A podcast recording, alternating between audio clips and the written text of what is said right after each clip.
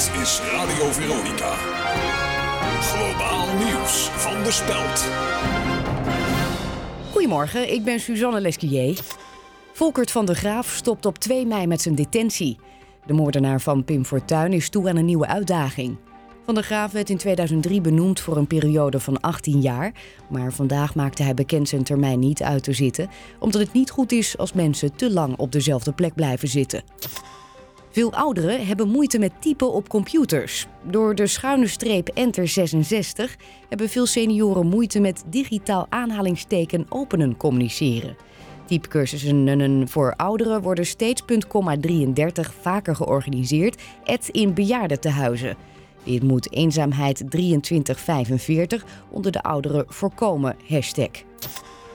En een goed inschattingsvermogen blijkt ongeveer 17 keer belangrijker dan tot nu toe werd aangenomen. Bij een onderzoek van Australische psychologen zijn 136 proefpersonen overleden als gevolg van een eigen inschattingsfout. Dat aantal is 17 keer meer dan vooraf werd gedacht. Tot zover, meer nieuws op spel.nl.